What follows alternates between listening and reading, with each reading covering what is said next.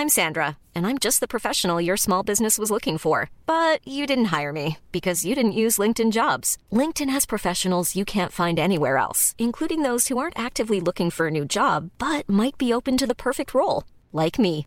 In a given month, over 70% of LinkedIn users don't visit other leading job sites. So if you're not looking on LinkedIn, you'll miss out on great candidates like Sandra. Start hiring professionals like a professional. Post your free job on linkedin.com/people today.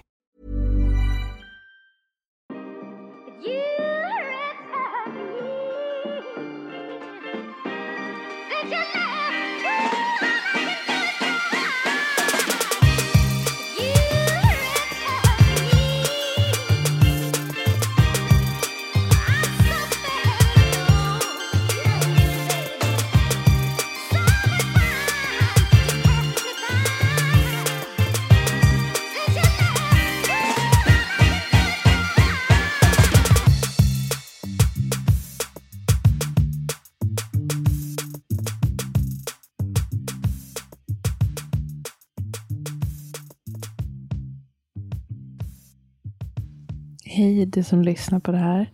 Det är Asabia, ena halvan av Okryssa som pratar. Ehm, det blir en liten speciell podd idag. Vi får se vad det blir. Om det ens blir. Om jag ens kommer sända ut det här. Om du hör det här, då har jag ju sänt ut det. Men det är så att eh, Opo är sjuk. Och jag själv har vabbat här hela veckan. Och vi hade tänkt ja, att det inte blir någon podd den här veckan. Men så kom min man på um, den fina idén att jag kan ju faktiskt spela in själv. Svara på lite frågor kanske. Om inget annat bara för att ja, få ut någonting och hålla rytmen um, med den här podden. När man nu ändå har en podd som man säger ska komma varje vecka så kan man väl försöka hålla sig till det. Så vi får se vad det här blir. Um, jag har jag slänger ut lite frågestunder ibland på Instagram och sen svarar man ju på en del frågor. Men det är massa som lämnas um, obesvarade. Och jag tänkte jag kan väl passa på att svara på några av dem nu. Nu kan det vara så att ljudet är katastrof. Jag ligger just nu i min säng nerbäddad med in my birthday suit så att säga. Ehm, man hör vägen där utanför. Förhoppningsvis hör inte du den. Och jag har en liten bebis här liggandes bredvid mig som precis har somnat. så jag har i alla fall sällskap med mig. Um, det känns väldigt märkligt att um, bara sitta och prata så här monologa utan att få någon feedback. Um, jag brukar faktiskt vara bra på att inte föreställa mig att det jag sänder ut, vare sig det är poddform eller um, på Instagram eller skriven form eller vad det nu kan vara. Att jag kan, klarar liksom inte av att tänka på att det faktiskt når någon. Eller jag vill inte tänka på det allt för mycket för då får jag prestationsångest och det känns läskigt. Um, så jag tänker sällan på det. Utan jag bara sänder ut det till jag vet inte vad. Jag tänker typ att det är mina vänner bara. Men nu, nu, tänker, jag, nu tänker jag att jag, det här landar hos i alla fall en person. Jag gissar på att i alla fall en person kommer lyssna på det här. Och det känns ändå fint att prata med dig, just som lyssnar. I alla fall, jag har några frågor här från en gammal frågestund som inte jag har haft tid att svara på, som jag tänker att jag kan dra nu. En som många frågade var hur trebarnslivet är än så, lång, än så länge. Jag är bara tre månader in, så jag känner inte att jag kan direkt säga något om det. Eller det är klart jag kan. Jag kan säga någonting om hur har det varit att ha liksom ett spädbarn och två andra barn. Um, det som jag känner överlag i livet i stort är att jag är på en plats um, där jag känner mig väldigt hemma. Uh, jag, jag har tidigare pratat mycket om den här känslan som jag hade framförallt efter mitt andra barn, att jag har ett till barn i mig. Jag, jag känner det någonstans, att det är tre jag ska ha. Och eh, nu när jag har de här tre, då är också känslan väldigt stark att alla mina barn är här och det är en enorm, vad ska man säga, hur ska jag beskriva det? En enorm tillfredsställelse och ro i det. Eh, som gör mig lycklig. Så jag är lycklig skulle jag säga. Det är grundkänslan. Jag känner att det finns inget fattas mig.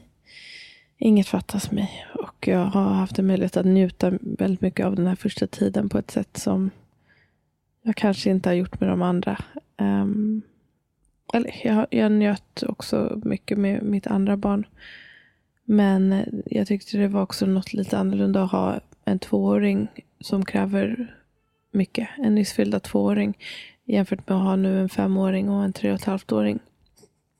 Och ha en liten bebis. Det tycker jag faktiskt är um, lättare. Och sen den här gången är jag ännu mer bekväm i min föräldraskapsroll. Liksom, och också ännu tryggare faktiskt i min relation.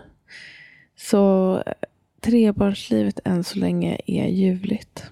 Det är ljuvligt faktiskt. Det är också svårt ibland. Det känns som att man måste typ säga så, för annars tror folk att man ljuger. Men um, är det så jävla svårt? Alltså, jag vet inte. Jag tycker inte än så länge inte så stor skillnad mellan eh, två och tre. Det som är tufft, det, däremot är det tufft absolut ibland att ha barn. Särskilt nu känner jag det efter att ha vabbat eh, i några dagar och vi har haft det av olika anledningar jättetufft. Men det har inte så mycket med att jag har den här lilla tjejen. Utan det är i allmänhet eh, tufft att ha småbarn ibland. Särskilt när de är sjuka. Um, så för mig uh, är trebarnslivet än så länge toppen. Mm, det känns som det här jag ska vara. Okej, okay, nog om mig eventuellt. Eh, okej, okay, alltså de här frågorna är ju riktade till mig så det blir lite eventuellt lite ego. Men jag ska försöka ta lite allmänna frågor. Um, Okej, okay. Mm, ja, det här med sömn då. Min bebis vill bara sova mage mot mage med mig. Jag vet att det inte är det säkraste sättet, men vi får inte sova annars. Jag vet inte hur vi ska göra. Okej, okay. jag antar att det är en, alltså en helt nykläckt bebis skulle jag tro.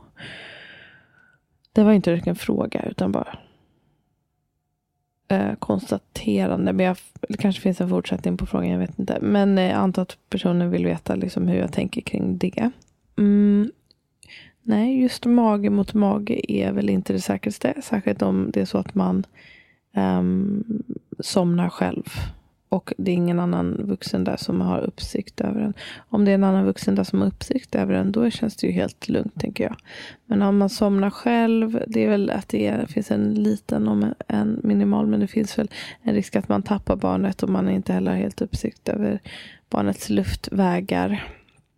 Um, ja, så det, det är väl sant. Och det känns kanske lite jobbigt att ligga så hela natten. Um, däremot, det gäller vad som är säkrast. Jag själv, som jag pratat mycket om, samsover ju. Jag har samsovit med alla mina barn och det har varit helt rätt för oss. Um, jag har skrivit en del om säker samsovning på min gamla blogg om man vill läsa om det. Um, om man googlar motherhood, säker samsovning och Asabia eller något sånt där så kommer mina två blogginlägg upp om det. Det finns, står även en hel del annat om man söker på säker samsovning. Um, ehm, sen så utövar jag inte heller säker, det som är listad då som säker samsovning för att min dotter sover inte alltid på rygg utan hon brukar sova på sida. Um, vi har också tecken och grejer. Um, hon har inte eget täcke. Hon har inte eget täcke. Uh, så att jag gör lite min egen grej där men jag känner mig helt jag känner mig personligen helt bekväm med det. Särskilt nu när hon är Mm, det kändes, mm, det, för varje dag, nästan varje vecka, så känns det mer och mer bekvämt när hon blir lite och lite större. Hon har också nu nackstyrka som hon kan vrida sitt huvud själv, även om hon skulle hamna på mage eller så. Men min största trygghet är att eh, jag ammar, helammar henne och jag vet därför att hon vaknar relativt ofta och jag vaknar ofta också. Det är en stor trygghet.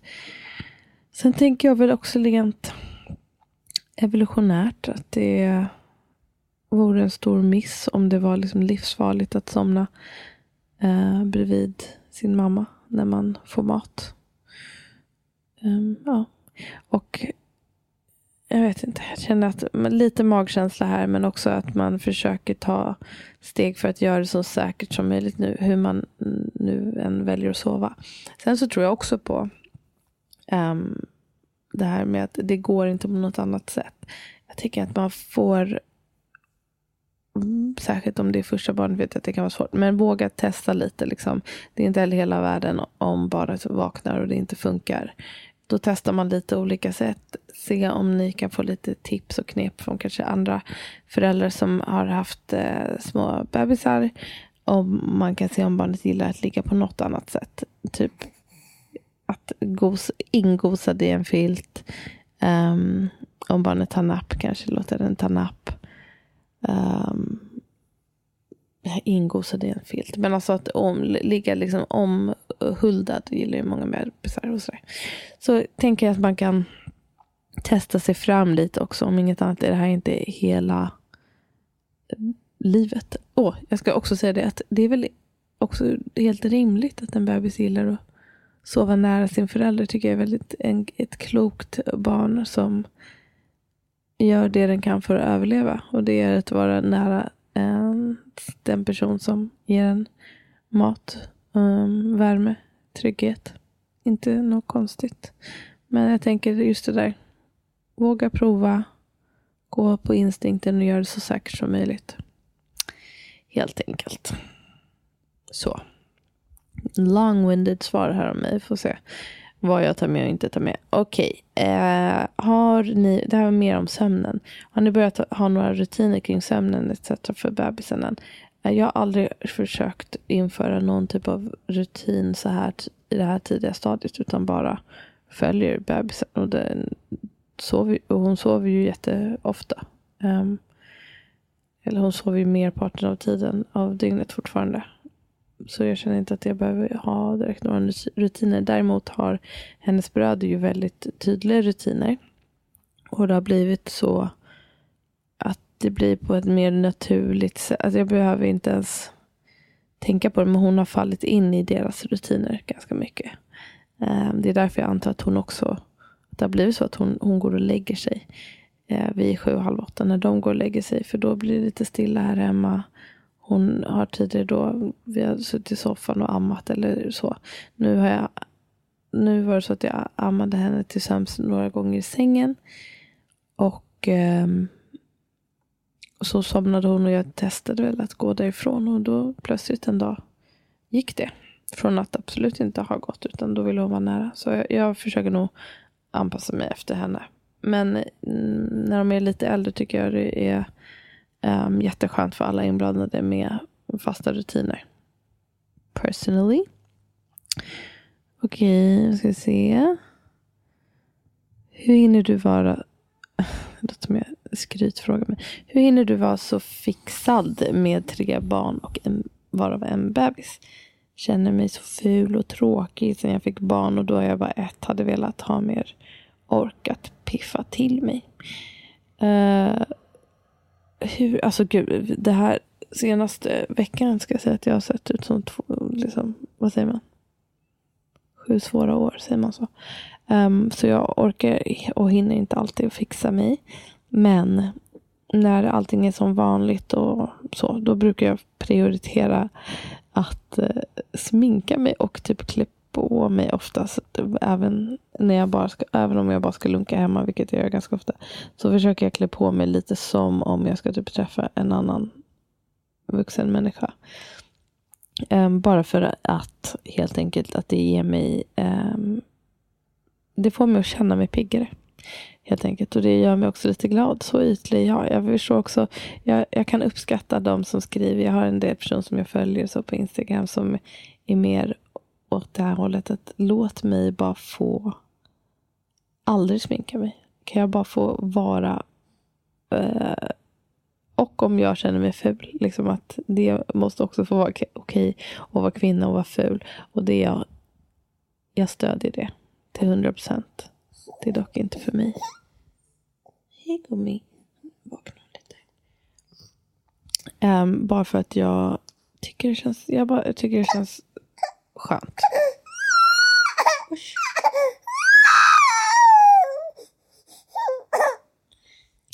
Ehm, ja, jag blir helt enkelt pigg av det.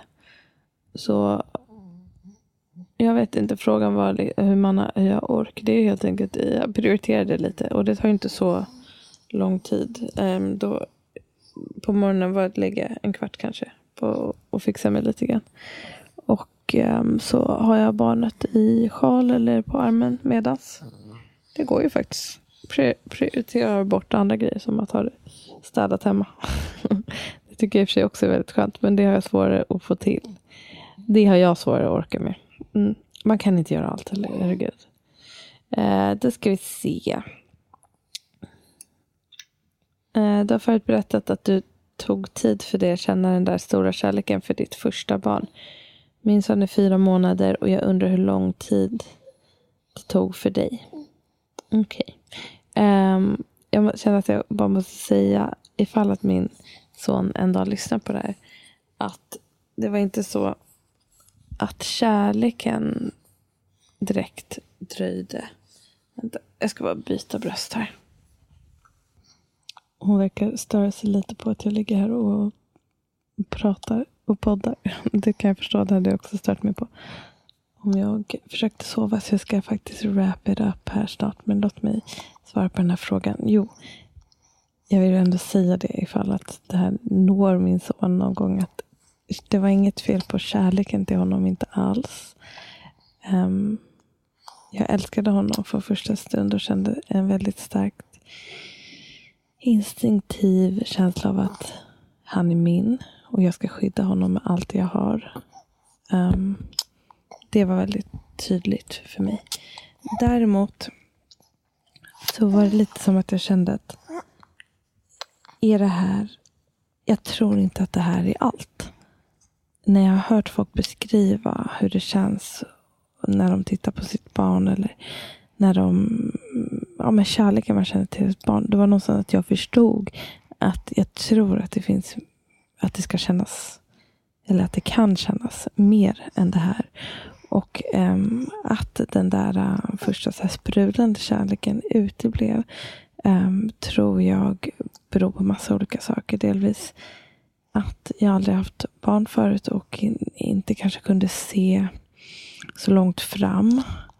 Att det här är liksom inte bara en liten bebis, det är också en människa. Det var också helt, en så stor existentiell omställning. Eh, omställning i min relation, i familjedynamiken. Att jag fick en helt ny roll i form av förälder. Det var ganska svindlande på många sätt. Och mycket att landa i.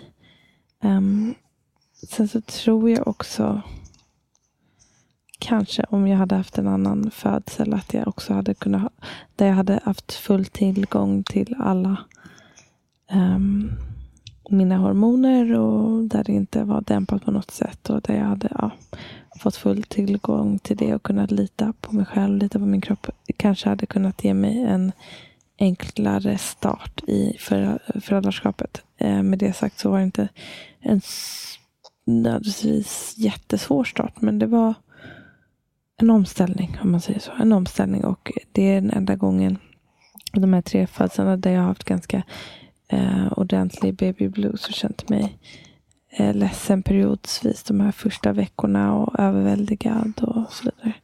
Um, det har jag inte känt med de andra. Men det jag brukar säga till min son är också att han lärde mig verkligen att bli, vara mamma. Han, lärt, han har lärt mig så otroligt mycket och han är också den som, alla barnen lär mig någonting, men han är den som lär mig hela tiden. För det är alltid nytt med honom. Stackarn. Eller det är stackarn. Jag har också fått, det är också mycket fint med att vara äldst, men jag har liksom aldrig haft en, eh, han är min första mitt första barn, min första ettåring, min första tvååring, min första treåring, fyra, fem och liksom fortsätter så. Det är så mycket som är nytt med honom hela tiden. Um, sen känner jag mig, när jag får göra det en andra gång med hans lillebror så känns mycket, mycket saker lättare.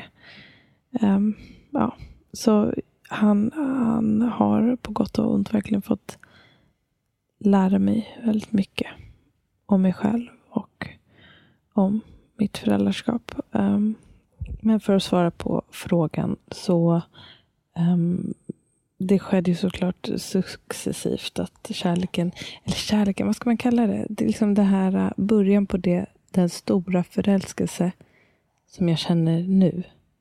Den enorma, pirriga, ofattbara kärleken som jag känner nu. Den eh, liksom smög sig på successivt när vi var förbi det här bara djuriska instinkten att jag ska skydda dig. Jag, jag älskar dig på något sätt, men jag känner inte dig. Eh, det växte successivt. Men jag minns att jag dels när han var nio månader kände att gud, det tar ändå lite tid. Att jag fortfarande inte känner riktigt det där som andra föräldrar eh, andra föräldrar som man hör om. Liksom. Som man hört om att åh, liksom, hur man känner för sitt barn är större än någonting annat. Det är en kärlek som man aldrig har upplevt någonsin. Typ det. Jag minns det väldigt väl att jag gick här i backen nära mig och tänkte att borde det inte ha kommit nu? Jag känner, jag känner kärlek men är det, är det här, det här kanske bara, det här kanske är det. Eh, det här kanske är ett. Liksom. Eh, det låter lite typ mörkt när jag berättar det kanske. Men eh, det var inte supermörkt. Det var mer att ja, jag, jag kände att det, var, att det fanns mer. Ehm, men jag är också väldigt glad att jag var medveten om att det inte behöver vara det här sprudlande direkt och att det kan ta tid.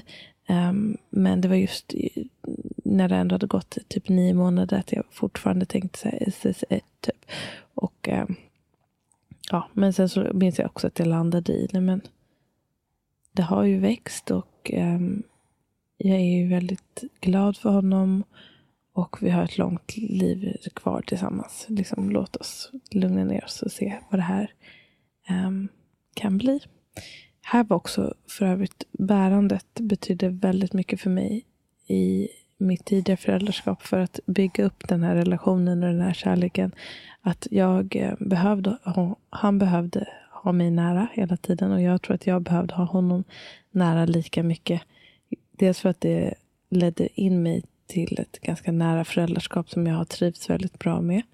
Um, det gjorde att vi liksom växte i symbios. Jag lärde mig hans signaler. Jag lärde mig, lärde känna honom på ett väldigt intimt sätt som var viktigt för mig.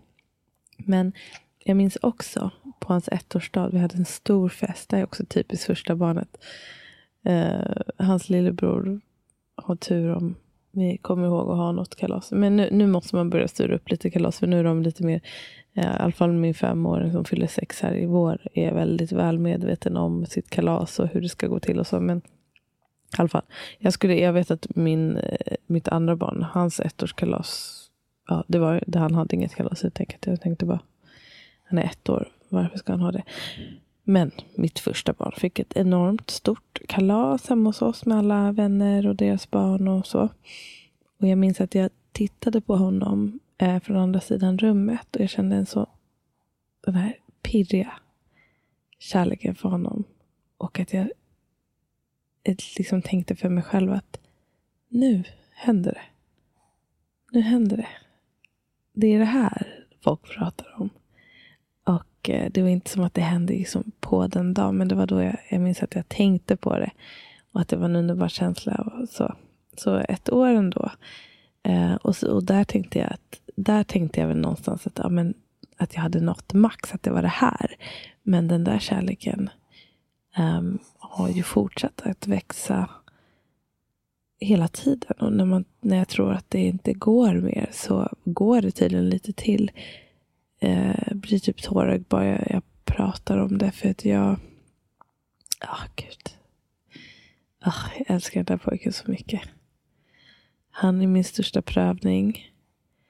Um, han är min största prövning. Han tar fram mycket känslor hos mig. Mycket sidor hos mig själv som jag kanske har svårt att tampas med. Mycket som triggar mig. Alltså verkligen. Mm, alla barn är mina lärdomar. Men han kommer med så många lärdomar. Och jag älskar honom så ofantligt mycket. Så jag tänker att man får lite is i magen. Och det är också det här med att vi känner ju liksom inte varandra. Och ju mer jag lär känna honom, nu känner jag honom väldigt bra, men också hur han utvecklas. Och, ja, det är liksom något också helt annat när man kan eh, kommunicera och förstå varandra på ett helt annat sätt. Och jag tror att med de andra barnen så kändes det som att då hade mitt första barn också öppnat upp mitt hjärta. Också först, jag förstod liksom att det här är en person som ska ja, men att det är en, en människa som jag kommer att lära känna och att det var lite eh, lättare för mig att ta till mig um, dem av den anledningen. För att jag brukar säga det att hans eh, store storebror öppnade upp mitt hjärta så att det var um, öppet för de yngre. Och det är jag evigt tacksam för. Långt svar på den frågan men jag, jag mindes tillbaka på lilla nya mamman alltså, Asabi. Det var inte helt lätt. Det var det inte. Um, då ska vi se. Nu har hon faktiskt somnat om så jag kör en fråga till tänker jag. Och så kan jag wrap det här upp efter en halvtimme. Um, vi kör en, en relationsfråga. Det här har vi, jag och Amat svarat på förut tror jag. Men i alla fall, jag tar den ändå tycker det är tufft att hålla igång relationer med småbarn. Känner mig helt slut på kvällen och kan bli lätt irriterad på min partner och så vidare. Uh, hur känner du? Hur gör ni för att hålla relationen vid liv? Um, I hear you sister. Det här, är också, det här har också varit väldigt olika med de olika barnen för mig. Um, personligen, jag tyckte det var tuffast efter första barnet där också. Allting var liksom lite tuffare tycker jag. Att vara helt ny förälder. Att man så ställer om hela sitt liv. Nu är det på ett sätt nu är mitt liv att ha småbarn och jag är, vi är inne i det här, jag är inne i det här. Så det blir inte, jag tycker inte att det blir så himla stor omställning. Det är, bara, det är redan maxat liksom. Och vi har redan en annan um, dynamik i relationen så det blir inte så stor omställning. Mm, men med första barnet så blev det det och jag kände också eh, eftersom han, han var jag, jag kanske för att jag var ovan vid det, men jag tror också att han, han hade nog störst närhetsbehov av alla mina barn. Och jag kände mig väldigt um, mätt på närhet. Alltså att det var, jag, jag hade liksom inte mer att ge där. Uh, och det var kanske lite prövande för relationen. Eh, någonting som vi behövde kommunicera väldigt mycket kring. Att jag, ja, men jag, jag liksom hade inte så mycket att ge till min eh, kärleksrelation. Uh, och det pågick ett tag. Ett ganska bra tag. Um, men där var liksom kommunikationen A och O för att vi bara skulle... Alltså att vi bara... Det får vara så här nu. Det lär väl inte vara för alltid. Vi är helt nya föräldrar. Vi älskar varandra och vi vill vara med varandra. Men det är en speciell tid. Um, sen så i takt med att liksom man landade allt mer och livet blev allting kändes liksom lite lugnare. Jag eh, hade lite mer av min kropp för mig själv och lite sådär. Och då började vi väl hitta tillbaka lite till varandra. Eller hitta tillbaka, det var inte bara liksom att vi är det här barnets föräldrar utan vi var också vi. Um, men det, kontentan är väl att det fick ta sin lilla tid. Sen minns, det här är också så himla jag minns väldigt lite av hur det var med andra barnet. Jag tycker, jag tror det var rätt, rätt bra. Um, men nu, den här tredje gången, så känns det, det, det är min lättaste postpartumperiod, absolut. Jag mår, min kropp mår väldigt bra, vilket har såklart påverkar jättemycket. Um, jag känner mig inte heller trött. Jag, jag sover väldigt bra, känner mig inte trött. Ja, och vi har också kvällar tillsammans och sådär. Så det är... Um, jag känner att... Ja, vad ska man säga? Det kanske inte är, inte den mest romantiska tiden i våra liv. Men jag tycker att man kan göra så mycket med bara en kyss i köket som blir avbruten av något barn förvisso oftast. Men ändå ett försök till en kyss. En, arm på ryggen, liksom en komplimang. Jag, är ganska bra tycker jag på att ge komplimanger. Säga att min man är snygg, säga att han, ja vad det nu kan vara. Um, få den andra att känna sig lite speciell och också få den att känna sig som att vi inte vi är inte bara här för att vara de här barnens föräldrar. Men vi gör också det tillsammans. Um, men vi är också individer och vi är också ett par. Alltså man liksom påminner varandra lite om det. Och inte glömma bort de här små sakerna som att man pussas när man säger hej då. Man kramas väl minst en gång om dagen, även när man är liksom djupt inne i småbarnsträsket. Ehm, och lite så små jag vet inte, gester. Jag, vi är inte så mycket för att fira alla dag, men igår var det ju alla dag. Jag spelar in det här på torsdag kväll. Jag tänker att jag sänder, eller vad säger jag? Vad heter det? Jag ska lä försöka lägga ut det samma kväll. Så det är alltså igår. Ehm, um, som det var alla dag. Vi brukar inte göra något speciellt. Men vi hade tänkt att vi skulle gå och käka middag ute med barnen. Men i och med um, sjukdom och sådär så blev inte det av. Det var, istället var det en ganska vidrig dag. Men jag um, hade i alla fall köpt en present till min man. En kokbok som jag trodde han skulle uppskatta. Vilket han verkligen uppskattade. Och jag skrev ett handskrivet kärleksbrev till honom. Jag kände själv att jag hade älskat att få ett handskrivet kärleksbrev. Det var, det var faktiskt väldigt länge sedan eh, jag fick det. Men jag tänkte att istället för att gå och vänta på att få ett kärleksbrev. Så låt mig ge ett kärleksbrev. Det är ändå the next best thing. Och jag tyckte att det var väldigt fint också att få skriva ner så här, vad är det jag älskar med den här människan. Det är, vi har varit tillsammans i, är det 12 år i år? Är det 12 år? Jag blir osäker. Vi har varit tillsammans jävligt länge i alla fall. Um, och bara skriva om vad jag älskar med honom. Det var fint. Det är ett tips. Skriv ett kärleksbrev om du är inne och påminn om att du ser personen.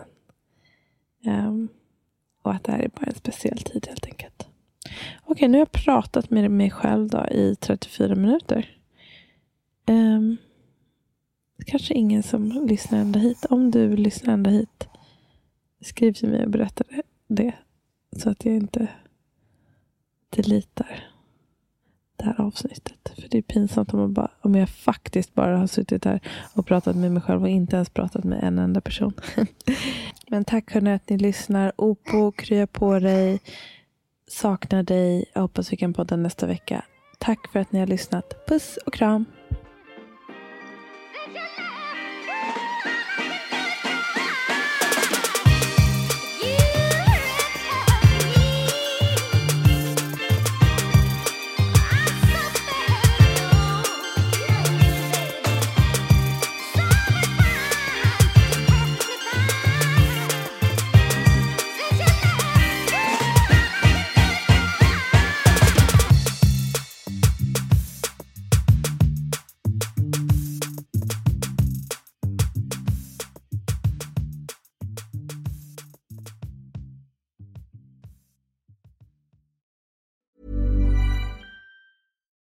Hi, I'm Daniel, founder of Pretty Litter. Cats and cat owners deserve better than any old fashioned litter. That's why I teamed up with scientists and veterinarians to create Pretty Litter. Its innovative crystal formula has superior odor control and weighs up to 80% less than clay litter. Pretty Litter even monitors health by changing colors to help detect early signs of potential illness. It's the world's smartest kitty litter.